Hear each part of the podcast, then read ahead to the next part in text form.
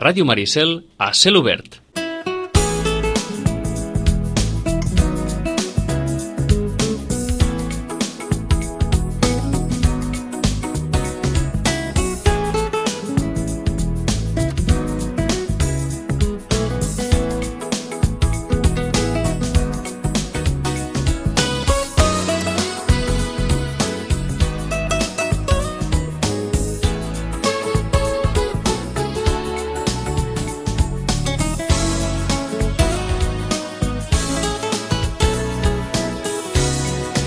11 i 20.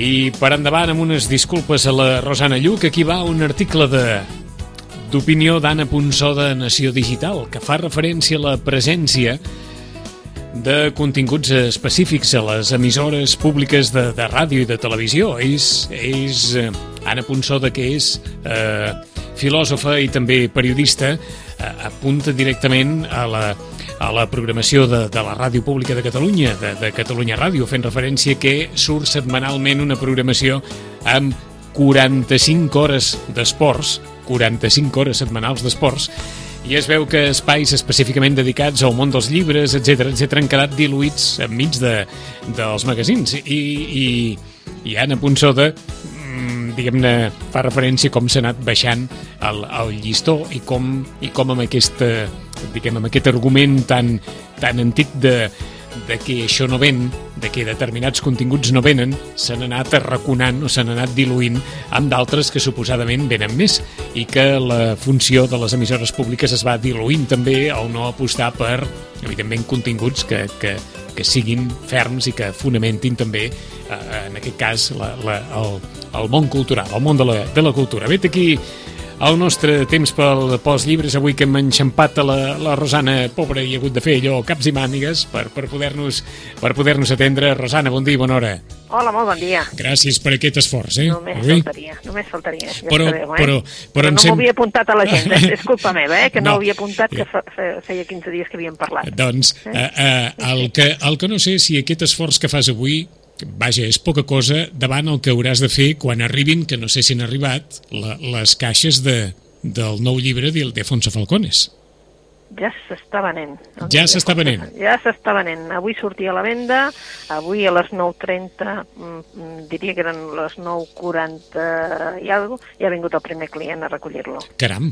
Sí, havíem fet nosaltres campanya dient mm, davant el ara, eh? I, i llavors eh, i rebràs un missatge i avui a primera hora ja teníem els primers clients aquí a buscar el seu eh?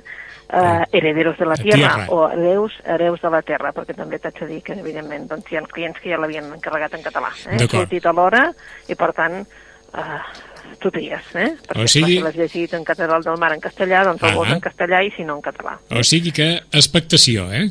Sí, sí, sí, n'hi ha molta, eh?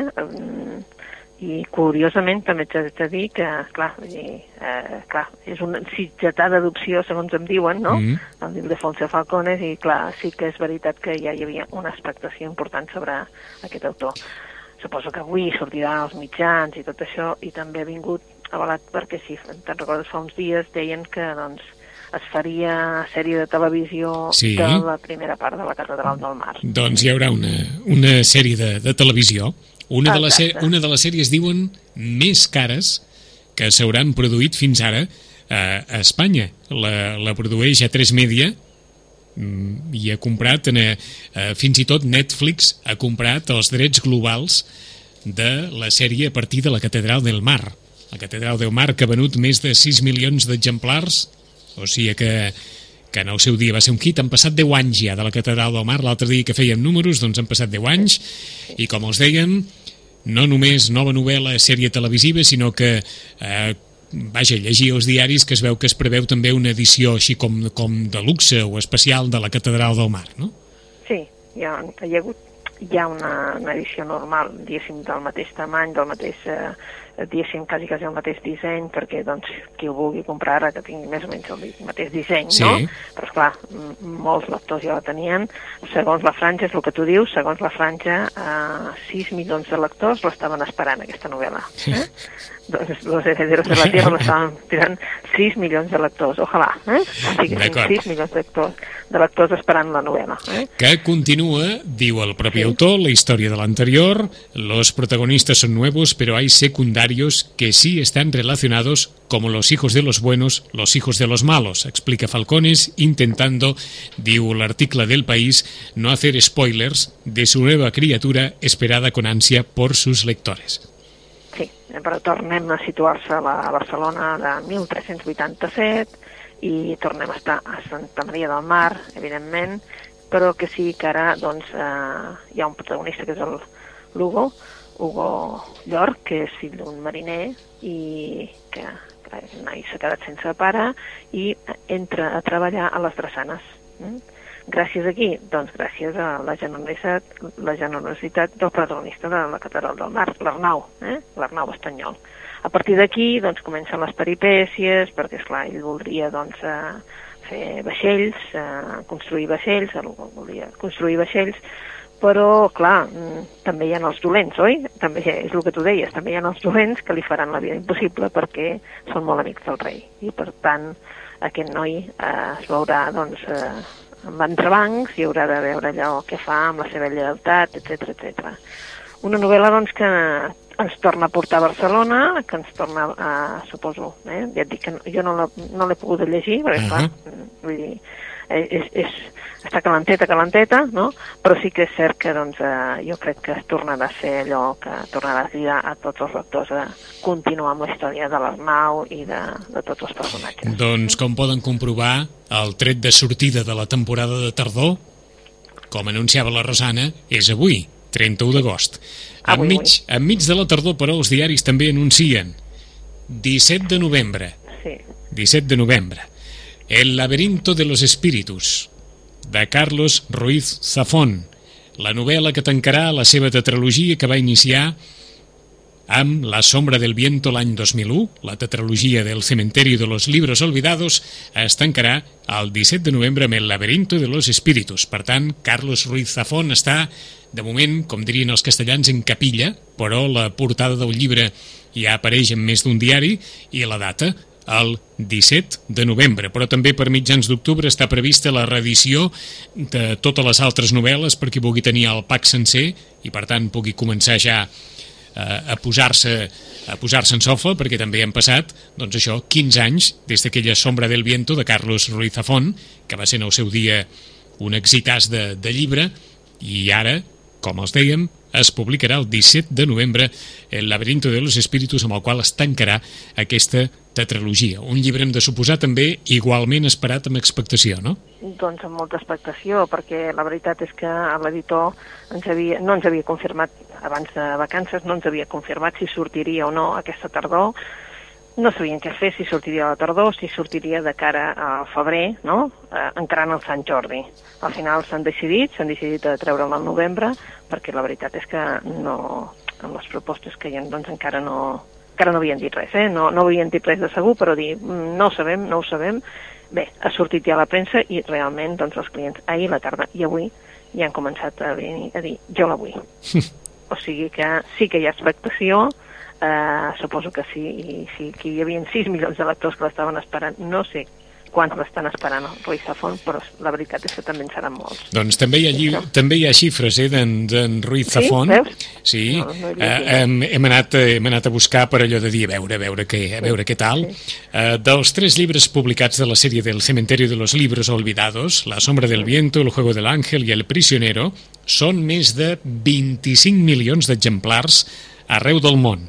En espanyol en són més de 7 milions d'exemplars, i d'ells més d'un milió a Llatinoamèrica. O sigui que un altre, un altre èxit de vendes previsible. Doncs és, és, a més a més, si són 25 i nosaltres només n'hem comprat 7... Imagina't. imagina't l'abast de, de, de l'èxit fora d'aquí també, no? Perquè és que són molts, eh? Vull Ara, ara, ara diríem una bestiesa, quina alegria ser una llibretera i que en una setmana ja, ja et vinguin, vaja, no, no cal ni que facis un gest per vendre un llibre que ja te'ls venen a buscar.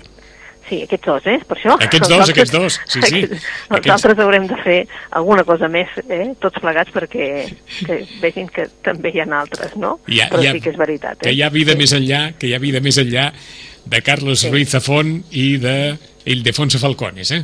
Hi ha vida sí. més enllà. Hi ha vida més enllà. Però són dos noms. Uh, dos apuntem noms. també, en aquest, en aquest inici apuntem també, els gremis d'escriptors donen el seu guardó a Juan Mercé, a un, a un veterà il·lustre, el Premi Liber 2016 per l'autor de Si te dicen que caí o d'Últimes tardes con Teresa, la, la, la novel·la del Pijo Aparte, com recordaran, com recordaran molts en el seu moment, eh? Sí, doncs també un, una trajectòria molt merescuda i per tant ens en alegrem tots de que li donguin no, el premi a, a ell i bé, entre aquests també doncs, hi hauran bé, surten altres autors, això és veritat ara aprofitant doncs, la vinentesa hem de dir que també el, les editorials en català també han fet la seva primera posta ja. Mm -hmm. eh, va sortir en els mitjans que el Ramon Solsona se n'havia anat cap a Cardós i ens volia explicar una història. Una història de les, diguéssim, centrada en les mines de Cardós, de, de, de gent que va re, procurar doncs, fer doncs, gent que va venir eh, de migració cap aquí i la veritat és que mm, van fer tot possible no? que hi hagués doncs, eh, tot el que hi ha a la vall de Cardós. No? I aquí en la història es diu eh, allò que va passar a Cardós. Mm? La fotografia és una fotografia bonica, una fotografia d'una parella ballant en una cuina, eh? una cuina de, eh, diguéssim, anys 50 per no dir una altra cosa, no? una cuina més aviat de pagès, i bé, doncs ens parla d'això, d'un guàrdia civil que és assassinat a la vall de Cardós, doncs una nit amb molta neu del 65. Eh? Clar, eh, el que voldria ell és, fer, és de que eh, gràcies a un esforç ingent de molta, molta, molta gent, doncs ja es van poder fer aquelles grans obres hidroelèctriques a la vall de Cardós. A partir d'aquí, ell el que vol és, a través d'aquest eh, assassinat d'aquest guàrdia civil, ens vol explicar una mica la vida de la vall eh, i també la prosperitat que va portar tot això en aquella vall, que era una vall doncs, sense res. Eh? La dictadura, l'inici de la televisió, surten una sèrie de coses doncs, que fan que la novel·la, doncs, allò que va passar a Cardó, sigui una novel·la amb personatges des de, doncs, una mica doncs, eh, amb trets molt humils, però alhora per nosaltres són eh, com a herois, no? Uh mhm. -huh. I allò que va passar a Cardós suposem que serà um, una de les novel·les també importants d'aquesta etapa. Ens sembla que sí, perquè el primer capítol es titula literalment de Sant Pere el 18 de juliol del 1965. Doncs, eh? mm? Ja veus, eh? I parla sí. d'un autocar, d'un autocar que va ple d'home-xops de suor, que s'enfila en una lenta successió de zigazagues, du la vaca plena d'equipatges ben subjectes coberts amb un oler que els protegeix de la pluja. L'autocar camina pas de tortuga està empresonat en una filera de camions que pugen al port amb una lentitud de bou. No hi ha boscos, no hi ha pobles ni cap obra humana que ofereixi una ombra. És, òbviament, la visió d'aquests treballadors. I enmig d'aquest escenari, com deia la Rosana, se succeeix un, un assassinat. Ja us oferirem també en el nostre web, però ara l'avantatge és que moltes editorials presenten el primer capítol del llibre i, per tant, qui vulgui allò més o menys fullejar, ficar-se en la història, doncs sí. té la possibilitat de fer-ho abans, de, abans de comprar el llibre. Eh? Sí, exacte, pot ser un tastet. Eh? Exacte. Un tastet i llavors decideixes. Eh? Doncs bé, un altre autor també molt esperat, eh, però evidentment eh, en una altra categoria, diguéssim, de, no serà el bestseller, però sí que és veritat que està esperat, que és el Matías Enar. El Matías Enar surt en català i en castellà, Brújula, Brúixola, que és el darrer Premi Goncourt. I el Matías Enar, com que és un barceloní d'adopció també, doncs ell va estar molts anys a, a Barcelona, a, coneix moltíssim el Raval, ha sortit en els diaris aquests darrers dies dient doncs, que que trauríem ja aquesta obra que ja es va demanar, la veritat és que va ser l'única que quan li van donar el premi, doncs com que és un autor que ja té també uns lectors en concret, doncs ja la venien a demanar, uh -huh. i ara ens parla doncs d'això, un acostament entre Orient i Occident, de fet, no? En un apartament doncs a Viena eh, hi ha un músic que en definitiva el que fa és una vocació de tot el, de tot el que he viscut. I bé, doncs allò, doncs els seus pensaments allò, evidentment van cap a tots els països per on ha passat, no? Cap a Estambul, cap a Síria, cap a Damasc, cap a Teheran, no? Eh, de fet, eh, han sigut els països que l'han marcat, doncs, eh, sigui intel·lectualment o, o de manera, doncs, més personal, no? I bé, doncs desfilen per aquí, doncs, eh, tothom, no? Eh, tot el que pot conformar una vida, doncs els amics, els seus amors, eh, gent eh, del món de la cultura, i la veritat és que tots eh, tenen alguna relació amb l'Orient. Eh? Mm -hmm. Mm, també hi ha un personatge femení, és evident, la Sara. La Sara és la que ha ocupat doncs, la seva ment durant més de 20 anys perquè ha estat enamorada de la Sara. En definitiva, el Premi Goncourt ens ofereix doncs, això, eh, olors, amors, eh, amors, mm, però també aquest perfum d'Orient que ve cap a Occident a parlar-nos de personatges importants per a l'autor i és un autor que la veritat és que, com que està enamorat de Barcelona, suposem que aquests dies també farà doncs, presentacions, etc etc per, per, per parlar d'aquesta brújula, aquesta, uh -huh. aquesta brújula que li ha marcat doncs, o que li va marcar en la vida. El Premi Goncourt d'aquest any. Sí. De Matías Hernán, brújula o brújula, perquè es pot trobar en, en català i en, i en castellà. Per on seguim? Pues, doncs, una que, que, acabo d'obrir la caixa ara mateix, vull dir, quan estàveu trucant vosaltres, acaba d'obrir la caixa per veure què hi era, i era la darrera obra de la Carme Riera les darreres paraules. Caram! Eh? Vull dir que és que és, avui és el tret de sortida d'un munt de llibres, hem estat, si te'n recordes, tot l'estiu que dèiem, bueno, uh mhm. -huh. ara ja fins les novetats, fins al setembre, doncs avui és el tret de sortida, eh? no només d'aquest llibre, sinó que també, evidentment, doncs, els editors han decidit acostar-nos ja un munt d'obres perquè doncs, la gent vagi fent boca, si no, eh, per no, aquest setembre. Eh? No recordem nosaltres un setembre així d'aquesta... perquè Carme Riera tampoc és una, una autora molt prolífica? No, no, no. Però amb aquesta obra va guanyar el Premi BBA, BB, BBVA, perquè aquest és el nom del banc, no? Mm -hmm. Sant Joan, perquè és qui aquest premi abans ho donava una caixa, ara el dona el banc, no? i aquesta autora ens presenta aquest llibre, que la veritat és que només us podria llegir la ressenya perquè jo encara no, no, no l'he llegit i la veritat és que, bé, és, és que és com unes suposades memòries, diu aquí, i, bueno, en aquest, evidentment, la, ella fa, doncs, un, com si trobés un manuscrit, això sí que ens sona de, la, de les seves obres, no? un manuscrit retrobat, i el Lluís Salvador d'Habsburg, Lorena, eh, estem situant-se al, al segle XIX, no? confessa els secrets dels seus amors, mm? alguns de tràgics i uns oferents els punts de vista personals per objectius sobre els esdeveniments que canviaran el mapa europeu del segle XX. Això és el que diu a darrere del llibre. A partir d'aquí, doncs, eh, clar, suposo que hi surt eh, doncs, des de l'emperador l'emperatriu Sissi, uh mhm. -huh. eh, una mica doncs, eh, Eh, començaments de Guerra Mundial, suposo que eh, una mica ell eh, va per aquí l'obra. En eh. definitiva, eh. no ens diu res més al darrere, per tant ens haurem d'esperar a veure què, de què parla. Així ho comentaven el seu dia VilaWeb, tot parlant de, de les darreres paraules de, de la novel·la que havia obtingut el, el Premi Sant Joan. La novel·la situa aquest personatge, l'arxiduc Lluís Salvador d'Àustria, al llit de mort, dictant les memòries al seu secretari en to de confessió. Això passava al castell de Brandeis el 30 de setembre del 1915. L'arxiduc Salvador Lluís Salvador d'Àustria va ser un brillant intel·lectual de l'època, naturalista, etnòleg i antropòleg, i va arribar a Mallorca una mica per accident i en quedar fascinat. Per això hi va tornar i va comprar grans extensions de territori, entre el qual hi havia la Serra de Tramuntana i Miramar. A Valldemossa s'hi va fer una gran possessió, anomenada Son Marroig, amb un mirador, un dels més vells de l'illa.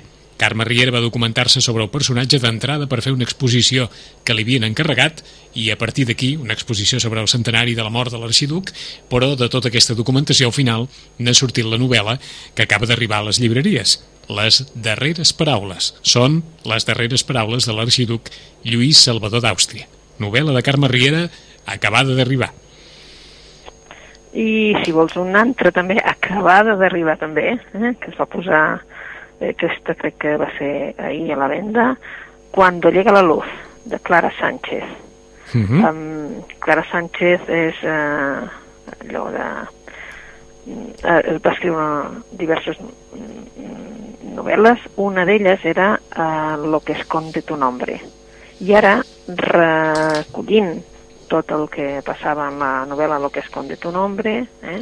si recordem era més o menys, uh, era una casa de, de nazis aquí en el, uh, cap a la part de, de València i en definitiva doncs, era un personatge que havia vingut aquí doncs, a buscar doncs, on s'amagaven aquesta gent, perquè s'havien amagat aquí a Espanya, no? En, per dir-ho així, en quatre trets, eh? Ara, quan llega la luz, la Clara Sánchez ens posa una altra vegada en, bé, en el personatge de la Sandra. La Sandra ha canviat molt perquè després de sortir d'un grup de, de, de gent gran, eh, que d'innocents no en tenien res, que estava ella en el poble de Diànimo, uh mhm. -huh. eh, ella se'n va cap a Madrid, té una criatura, Janine, eh, i vol allunyar-se una mica d'aquest passat, eh, vol fer una nova vida, eh, i un bon dia, al recollir el, el nen a la guarderia, el que es troba és una nota, una nota sense dir de qui és, una nota amb un anònim que diu on està el teu amic Julián. Mm? clar, eh, amb una amenaça que diu volveràs a saber de nosotros. Clar, després de molt de temps de no saber d'ell, perquè ella ha volgut fer una vida i no s'ha desentès absolutament de tot, la Sandra evidentment l'haurà de tornar a localitzar i posar-lo sobre avís de que algú l'està buscant i que evidentment no se tindrà fins trobar-lo i bé, són gent perillosa. Mm -hmm. eh, en definitiva és una altra novel·la així una mica de, de buscar uh, on està aquesta gent de, de la hermandat, aquesta gent doncs, que s'ha amagat aquí després de fer tant de mal i en definitiva posar-los una mica doncs, a, a la llum i poder-los portar a judici. Uh mhm. -huh. Aquí doncs eh, torna una mica amb aquella intriga que teníem amb Lo que esconde tu nombre. No era ben bé una novel·la d'intriga, però sí una novel·la on es parlava d'aquest tema i per tant tenir aquell punt d'intriga, eh? malgrat que és una novel·la mm, que no, no està en la categoria d'intriga. Eh? I ara apareix aquesta, Cuando llega la luz, de la Clara Sánchez. O sigui que a partir d'avui també sabrem d'ella. Mm -hmm. Encara no havia aparegut una novel·la més o menys, si no negra, diguem-ne, en l'àmbit del misteri, eh? En les recomanacions d'avui. Ah, avui encara no, eh? Encara no havia, eh? Encara no havia però, aparegut. Però en ve una altra, eh? en ve una altra. En ve una altra. Doncs eh? tu mateixa. Però que sortirà, uh, d'aquesta surt demà. Eh? Uh -huh. En definitiva van dir que sortiria demà, no ha arribat, però suposem que sí, que no és novel·la negra, però sí que té una intriga. Eh? I parlem d'un autor de novel·la negra, un autor que és conegut que uh, és el Pierre Lemaitre, aquest autor francès que també va guanyar un concurs fa uns anys i, i, i que ha dedicat la seva obra, diguéssim, que es divideix entre la novel·la-novel·la eh, i la novel·la d'intriga, la novel·la policiaca ben negra. Eh? En aquest cas no parla del, de, de la sèrie Verhoeven, eh, que és el comissari dels seus llibres com Irene, Alex, Rosie and John, Camille, eh, que són els quatre que surt aquest eh, comissari, que són novel·la negra, però d'allò negra, i ara ens parla de Tres dies i una vida. Tres dies i una vida és un nou projecte per, a, per al Pierre Lemaitre i, en definitiva, eh, no hi ha una investigació, no hi ha... Eh, tampoc no es busca un culpable, sinó que ens, ens trobem davant d'una novel·la negra perquè hi ha un assassinat, això sí, i bueno, eh, és una mica més psicològica perquè es parla de la part psicològica dels personatges que mm, bé, ha prescut algú a mort això sí, però no és que es busqui, és que s'està intentant entendre eh, per què el, aquest assassinat. En definitiva, mm, és això, és una novel·la molt més psicològica, és una història sobre sobre crim, però també sobre càstig, i la veritat és que plena pues, allò dels dubtes existencials de, de l'autor, però que ho fa a través d'aquesta novel·la. Mm -hmm. Tres dies i una vida surt demà. Vida. Demà, demà. La veritat és que surt demà, també en català i en castellà, i suposo que, bé, és una aposta de l'editorial Bromera, com ha fet amb tots els llibres del Pierre Lemaitre que els ha traduït ell, eh, aquesta editorial en català, uh mhm. -huh i en canvi en castellà doncs, és editorial Salamandra. D'acord, i que quedi clar per als qui ho podien esperar que ell ja va dir en el, en el seu moment que Verheven no tornarà. O sigui Exacte. que... De moment, eh? El, el propi, mínim, el propi autor mínim, ho va deixar ben clar, eh?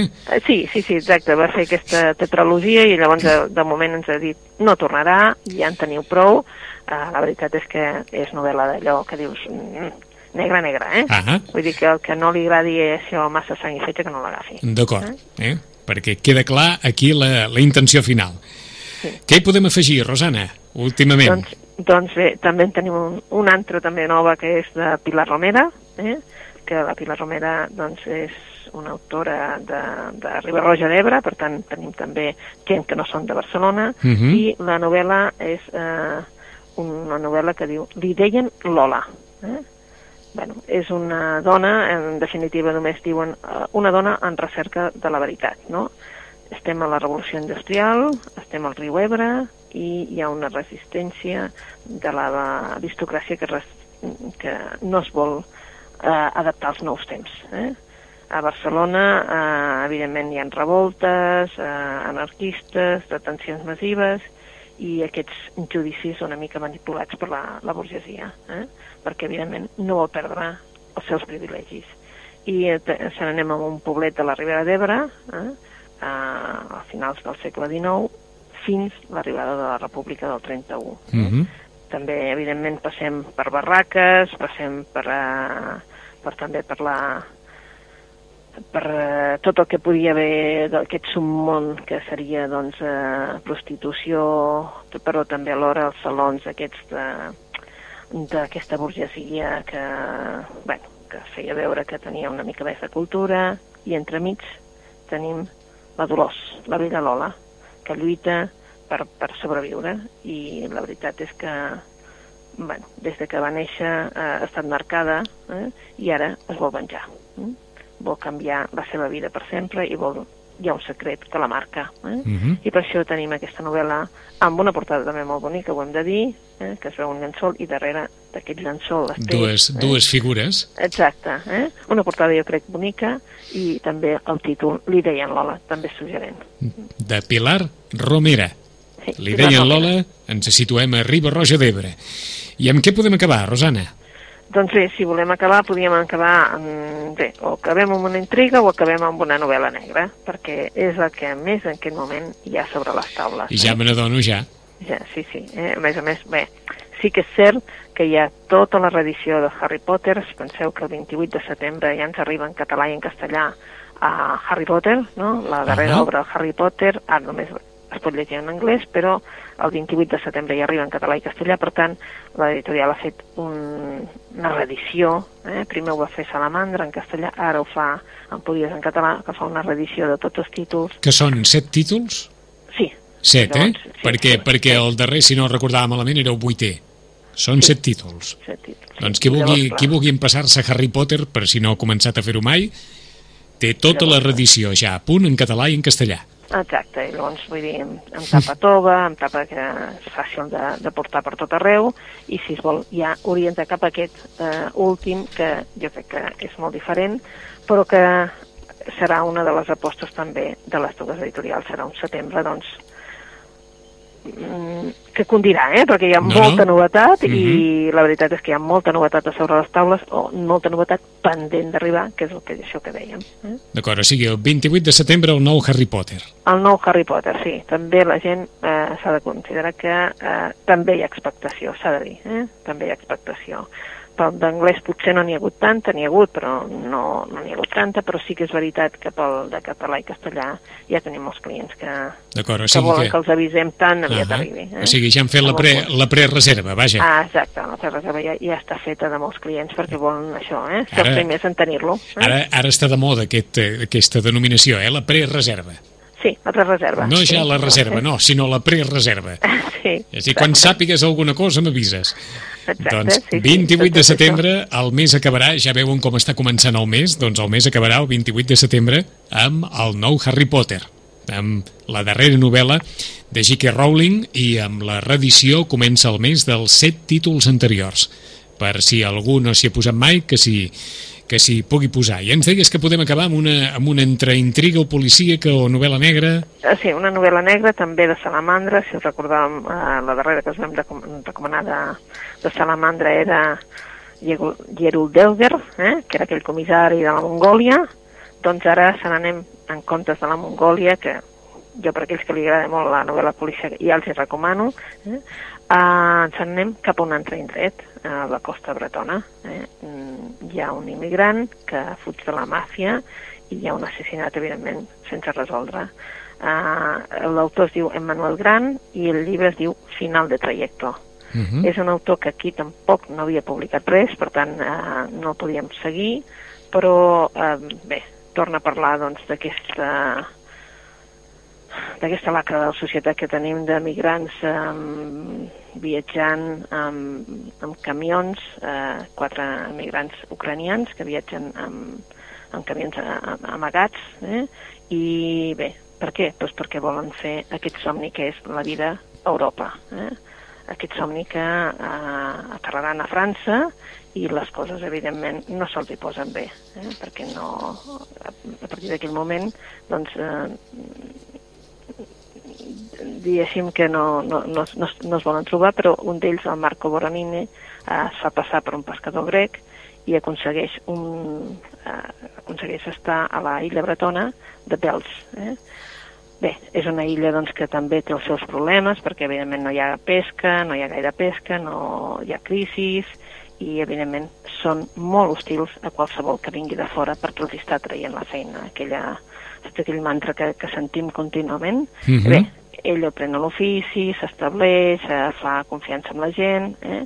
però evidentment també hi ha llegendes negres, mm, històries sobre morts violentes, barcos fantasmes, evidentment um, el que tem és que la màfia romanesa que el vol treure del seu país al final el vulgui matar. Eh?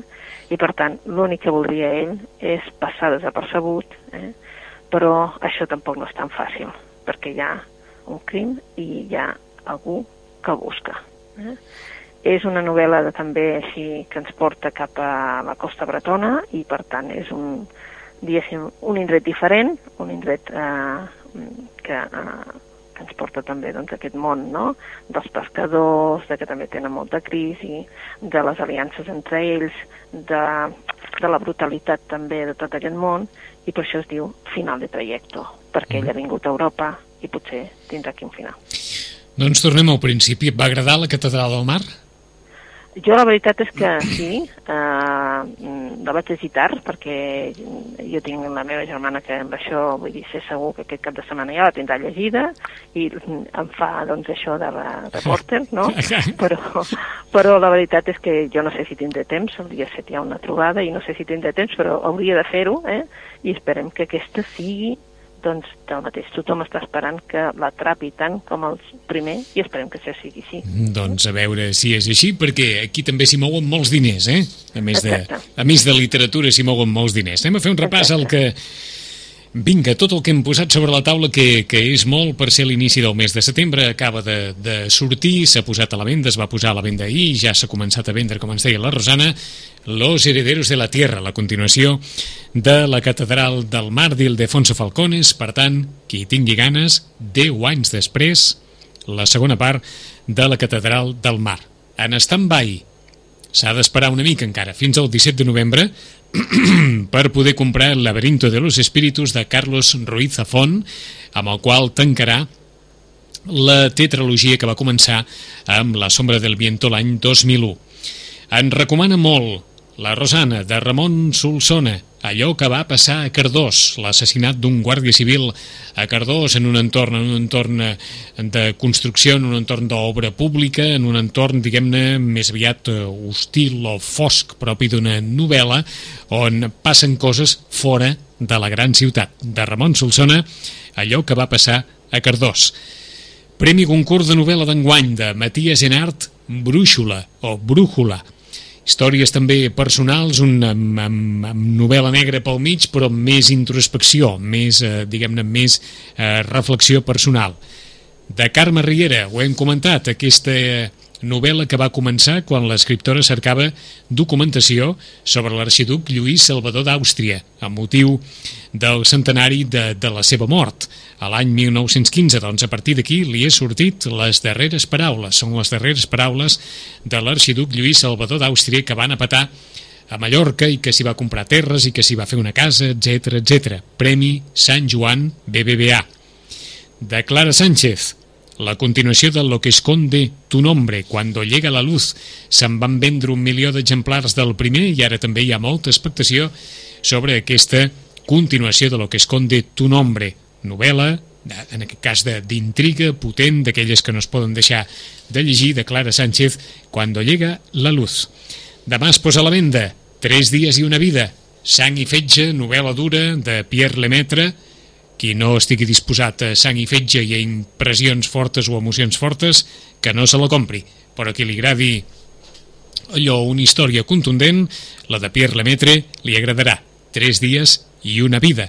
De Pilar Romera, li deien Lola, una novel·la ambientada també a Riba Roja d'Ebre, una història també molt interessant i també marcada en l'àmbit de, la, de la novel·la negra. I, finalment, Final de trajecto, una història de tema d'actualitat, refugiats, refugiats ucranians, que s'il·lusionen per viure a Europa, que els persegueixen, que passen, vaja, en fi, que passen tota una història de tribulacions també emmarcada en l'àmbit de la novel·la de misteri. I qui s'hi vulgui ficar, com ens acaba de dir la Rosana, tota la reedició de les novel·les de Harry Potter de J.K. Rowling, les set primeres, ja estan a la venda en espera de la darrera que sortirà el 28 de setembre. En 15 dies tornem a saludar la Rosana. Rosana, bona lectura. Molt bona lectura.